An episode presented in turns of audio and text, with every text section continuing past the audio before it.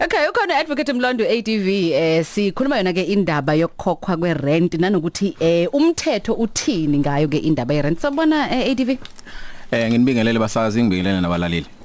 eh mhlambe nje ak- ake siyibheke siqala nje siqala nje ka ah, isivumelwano phakathi komqashi kwesiqashi ne noma stand sihlelwa kanjani? Em uma umuntu eqala ukuyohlala eh, endlini eh, ayiqashayo uyayanikezwe isivumelwano esibhaliwe eh, isivumelwano esibhaliwe siyaye sibe nembandela ukuthi siphuka uma kwenze njani. Uma abalaleli bezokhumbula ngeviki elidlule sakhuluma ngama conditions of breach imbandela yokuphuka kwesivumelwano. Uma obaleke kakhulu uma kuyi i- rent uma kuukuthi umuntu uqashe indawo kuba ukungakhokhi kwe rent ungayikhokhi rent kuyi breach of the agreement. And i breach of the agreement ukuphuka kwesivumelwano kusho ukuthi umuntu usehleli kwi property ngokungemthetho illegally. Uma kuukuthi usehleli ngokungemthetho kwi property eh u- eh, kulendlu ayiqashile uma stand uyabe negunya lokuthi alethe i application ebizwa ngokuthi i pie application yokuthi am evict amkhiphe kuleyo ndlu. Akakwazi umqashi ukuthi athi eh, athumelele ama red ends or noma ashintshe ikhiye noma akukhiphe akutshela ukuthi phuma ngenxa yokuthi Awukhokhile. lo- awukhokhile. lokho kubizwa ngespoliation lesi sakhuluma ngaso ngeviki edlule uyakwazi ukuthi umqashi alethe i agent application ecourt athi ngicela ukuthi ungibuyisele indlu ngikwi possession yayo. Akufanele ayiphathele umthetho. Kufanele alandele imbandela epha ye- ye- ye prevention of illegal um eviction from unoccupied land uh, uh, from unlawful occupation of land act. Yema dad. Ma- Manje uyakwazi ukuthola yonke le mali yakhe ke pho Mlondo a- asuke kade ngabe ake mhlambe lo muntu akasakhokhile mhlambe inhlanu inyanga.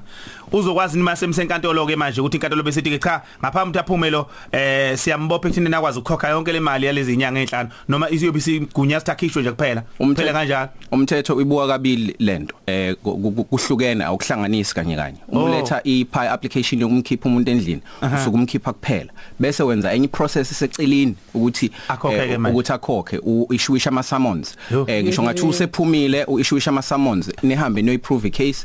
Eh ap- a- a- a- a- angene boxini approve icase yakho ma stand kube ukuthi uyakhokha. Kodwa i rent ayihlangani nendaba ye eviction i eviction yenziwa i i breach of the agreement. Uma engasekho i agreement phakathi kwenu nobabili ngenxa yokuthi omunye ubengakhokhi. Lo osendlini usesendlini ngokungemthetho kufanele umqashi a- a- u- u- u- umnikazi wendlu alethe iphi application. Emva kwalokho noma kulethe kanye kanye emva kwalokho a- a- a- a- ishuisha ama summons aclaim imali yakhe rent oyikole ay- ayikoletayo. ADV noma akwenze kanye kanye. Uhleli la kwami uhleli la kwami uqashile. Kuzothunyelwa amaphepha la kwami ukuthi iphuma la kwami.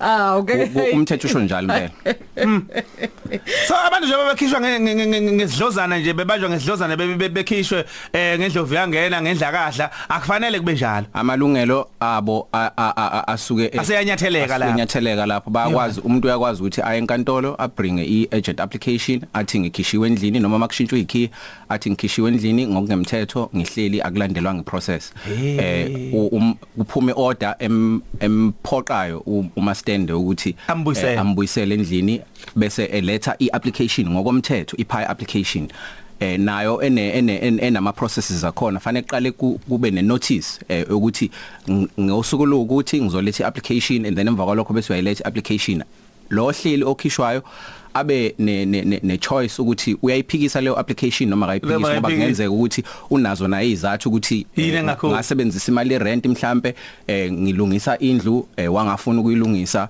eh kanjalo kanjalo. Mana ke ADV as- asithi yonke into ikahle indli sesimweni sikahle eh yonke into ibihamba kahle singena nkinga nami amanzi nogesi ngikhokha yonke into i right bese ke ngiba mnandi ngoba phela nje badesha umlaleli ibuyidleke eh imali eh le Ku- ku- kube ukuthi nje njalo kupheleni kwenyanga mina ngiba mnandi ngoba idlekile eh, i- i- imali le. Kodwa yonke into ikahle endlini. Uyaqhubeka uhlala kwami. Imini engikhokhela ugesi namanzi la kwami uqashile la kwami.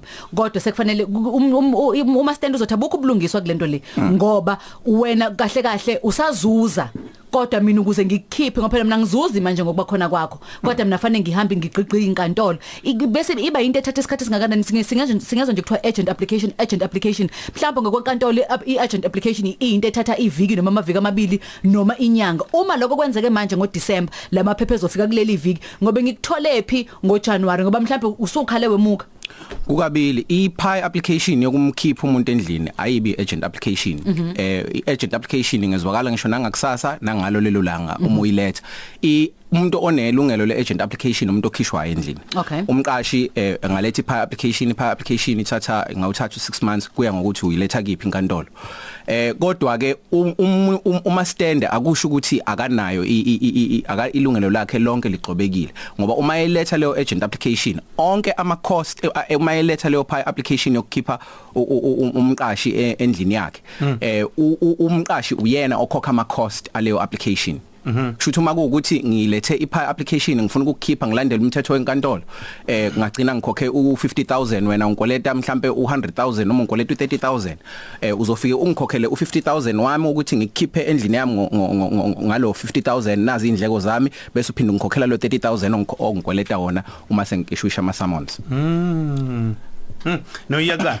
Em uh, uh, uh, uh, ngabo nayi lensizwa la ilungisa. Eh Oh yes. U u reason masiza ubelungu besikhuluma le ndaba yokuthi eh u7 months. Mhlawumbe ang- angiyifunde imi- imise imessage yakhe yokuqala ah i tweet yakhe. Uthe thina lana helpro wangayikhokhi rent kuze kudlule 7 zenyanga eh uyacishelwa ugesi okuyisexwayiso wagoloza lapha ama red ants ayakulahlela phandle akudlalele emafletini wengobe. Wase yalungisa ke ngoba kushuthi i- indlela ab- abhale ngayo ayi- ayizange izwakale kahle. Uthi mangilungise lapha eh ngithi kungadlula umhla ka7 wenyanga.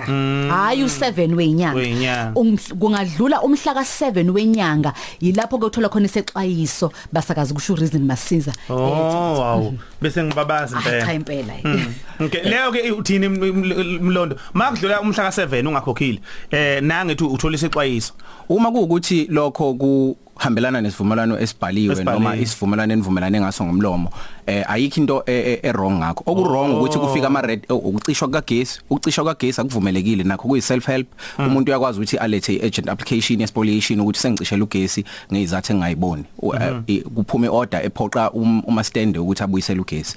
Eh leyo ukuthi kufika ama red ends ukuthi azomforce umuntu aphume akuvumelekile ngenxa yokuthi kuyi self help kubizwa ngokuyisiza wena emthethweni. Kufanele ulandele umthetho ungayisizi wena. Eh lo o- ilungelo lakhe oqashile ilungelo lakhe ligxobeka ngaleyo ndlela unakho ukuthi eh unawo amalungelo ukuthi aye enkantolo zami ukulungisa lokho ukuthi ama red ends nawo sengikhiphile eh ngicela inkantolo nginikeze order engivikelayo ukuthi ngibuyele endlini ingakwazi ukuyithola leyo uma singazange sibe khona isivumelano sokuthi bazokwenza kanjalo. Uma singabanga khona isivumelano sokuthi Oh. bazokwenza kanjalo and ok- okokuqala okwesibili uma kuukuthi umthetho wenkantolo awulandelwanga ukuthi akhishwe Akhishwe, i-pi application okay. ayifakwanga. Hmm, nokuyezwakala okay kukhona ke ama voice notes. Sanibonani ukhosini Buthatha noSinoncebo cela ungazisho ngihlala eNanda. Eh asikakhokhi namanje isizathu ukuthi singakhokhi uma stand wethu uthanda imali kakhulu. Masimcela ukuthi sicela silungisele izinto vele ashonele nale and umnyango wethu ufacene kanje nowakhe ulethe abangani bakhe bahlele la. Bangumsindo namantombazane asilali. Masimtshela ukuthi sicela silungisele izinto ezincane asilungisele. Kwimanje nje yanetha asasizona Sanibona khosini ngibingelele ngobe ngibingelele nonongcebo lapho. Igama ngusiphephelo isibongo ngwakamlotshwa ngokwendawo la amaphumulo hayi nayithinta indaba enkulu emfoka ngobe yabona njengoba kumhla ka11 nje namhlanje emfoka ngobe okusho ukuthi nami azosiphephelo mlotshwa angirentile emqashweni. Njengoba kumhla ka11 nje namhlanje ngesizathu sokuthi uma stand uthe egulelwa ingane wafika ebusuku ezongqongqozela ecela uba ngimhambisele ingane yakhe esibhedlela igula. Sithe masibuye lapha sengilindele phela ukuthi anginike ngonontsimbulwana hawu wavela ngitshela nje ukuthi hayi kuyabheda uzongibona kuphela kwenyanga makukhokha abantu. Kuze kube namhlanje kusangibona. Nami ke ngithuleleke nje. Nami ngisambona ukuthi nawe uyangibona yini. Sithule nje siyabukana ithibelene kahle kahle. Zinkunzi ediphini kushoda uzosondeza. Ngiyabonga mfoka ngobe usiphephela umlotsha lo kamaphumulo ingane zakwethu ku right la ngihlala khona impela kodwa hey kunzima ukukhipha imali. Maku December hayibo kunzima kunzima kunzima kunzima wengobe. Ngangithi ngizofika ngikhokhe uma sengisekhaya. Hayi bebize into engazazi la ekhaya ayisekho nje kwayona. Ngathi ngihena nje isangweni yayibisiphelile vele wengobe maye mina sacela ukubuza maye ngabe uma stand ngiyasebenza lapho vuma engadini uma stand unenkomo ngimgadela inkomo yena akahlala uhlala ngaphandle kwelinye kwedrop. Or mhlawumbe mastenze ngifana nokuthi kithi lapho. So maye manjalo senza njani bhuti wami? Ngoba naye ngithi kumele angicabangele uyabona naye emsebenzi njani? Nemali semakhaya disemba kufuneka ukuthi sithengele abantwana into zechristmas. Ababekezele nje abo mastenze sizababona masibuya wena tshata ma. Wechato umnelisi lo utravetekisi njani? Phela ngihlushwa amastand wami mfethu ngiyamshiya nje januwari ungijwayela kabi. Uthi kimi ngiqeda ugesi ngefani ngiyavuka ekuseni disconnect ugesi angina fridge. Angipheki phela mangiphuma ngo-three endlini ngibuya ngo-nine ebusuku hey yabo lo mastand ongafundi ma ngabe ngiyamshaya eh ake manje uthe ukulimala uhamba ngey'nduku sengimyekele lokho nje kuyamshiya januwari bezoyithola ngempela angikwazi ukukhokha eight hundred mina kuzothiwa ngiqeda ugesi ngefani ney'kasi kameni webona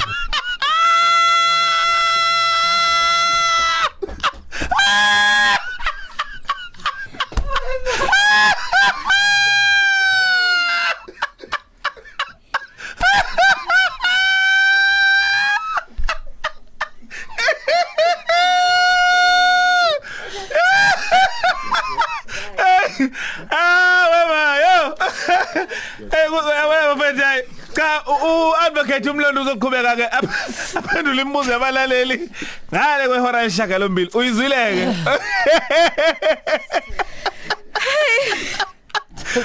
Hey. Bafethu. Hayi. Siyayicela amandla le voice note yokugcina. Sicela nje ukuphila nawo la ekseni mfowethu sithandile umuntu akababa egane unwabo ewotha ubomvu.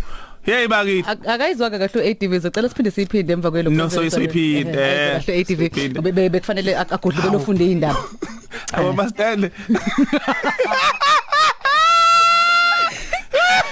Limuveli hora shaka lombili Sibheka i- ilungelo la eh, advocate lika mastande eh ngendaba ethinta impahla ezisuke zisendlini zesiqashi. Em eh, ngicela ukukhava lokho eh eh, eh, msakazi ukuthi eh akukona konke kusuke kungaphelile konke ku kuma stand uma kuukuthi umuntu eh oqashile akakhokhile uma stand unelungelo lokuqala empahleni engaphakathi eh kubizwa ngetacit hypothec unelungelo lokuqala empahleni yom- yomuntu oqashile. Eh ama TV ama fridge nayo yonke into. Uyakwazi ukuthi uma umuntu engakhokhile irent aye enkantolo eh um- uma stand afike athole iorder eperfectly right kusho ukuthi angayithatha lezo impahla ayoyidayisa ngokwe tacit hypothec Hmm yo alright eh cishe ke kuyezwakala ke abantu bagade angathi umndayi ngoba umthetho ngathi uyangivuna ngizohlala nje ngingakhokhi cha aku- akunjalo A- a- a- akunjalo likhona nalelo lungelo lelo kuma stand eh Alright, wena uh, ncebo eh? kufanele si si- bengithi kufanele sibheke leyo ngoba naye umlalo wethu yapha uyashunqa eh angisayiboni singilahlekelela kodwa ngizo ngizo ngizo ngizo ngizo oh nansi. Eh ubani igama lakhe uStandebele uthi uSelam Hill eh advocate. Uthi ngicela ukwazi ukuthi ke uma ngabe ubonda noma utonga eh lungcolile ubani okumele athenga upende apende? Yimi noma stand mana ke uthi ngizomkhokhela kanjani ke lo lo muntu uma ngabe upende uphume kimi uthi cha mina ngiyomkhokhela impela ngoFebruary wathi istrunus wamisa iminwe eh ufaka isandla esiphambanisa iminwe kanje. Mhlawumbe ak- ake si- si- sibhekana le voice note khona ezophendula sephendula kanye eh Sekuhlanganisa. u-ADV, yeah Okay. sephendula sekuhlanganisa. Right. Wechato umnelisi lo utravetekisi njani phela ngihlushwa amastand wami mfethu ngiyamshiya nje januwari ungijwayela kabi? Uthi kimi ngiqeda ugesi ngefani ngiyavuka ekuseni disconnect ugesi. Angina fridge angipheki phela mangiphuma ngo-three endlini ngibuya ngo-nine ebusuku. Hey yabo lo mastand ongafundi? Ma ngabe ngiyamshaya. Eh ake manje u- u- uthe ukulimala uhamba ngey'nduku sengimyekele lokho nje kuyamshiya januwari ubezoyithola ngempela angikwazi ukukhokha i-eight hundred mina kuzothiwa ngiqeda ugesi ngefene ney'pati lameni webona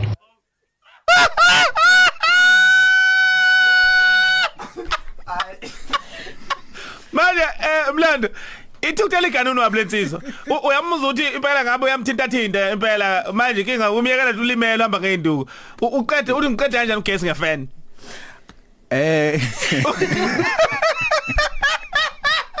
Uyabishiya ngoJanuary unawo January ngiyashi ngihamba. Eh.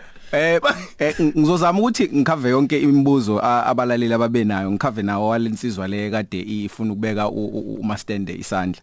Icabanga ukubeka umastende isandla. Okokuqala ivumelekile ukuthi imbeke isandla. Okwesibili konke ke ekhambe ngokuthi esivumelaneni kubhalwe ukuthini. Uma ukuthi nivumelane ngokuthi ugesi uzoyikhokhela uyayikhokhela. Uma ukuthi kuvunyelane ngokuthi umastende ozokhokhela ugesi umastende ozokhokhela ugesi. Ke kube uma ukuthi ningene esivumelaneni esikanjalo nivumelane nga- nanokuthi uzosebenzisa ama kilowatts amangaki. Ke kube Okay. inkinga yikho ke kuthiwa e- e- e- e- evumelaneni eziningi umuntu ayikhokhelele yena ugesi eh, a- a- a- ahlukane nokukhuluma ni- ni- a- anga angalwisani noma stand uma uma ukuthi ukhokhelwa umastende ngilayithi heater uh, 24 hours eh lokho sekwenza ukuthi ugesi ube phezulu eh, noma stende a- a- agcine sekhala yeah Em o- okapende u- u- u- ngizokhava kanye kanye okapende ne- nendlu e- e- enethayo.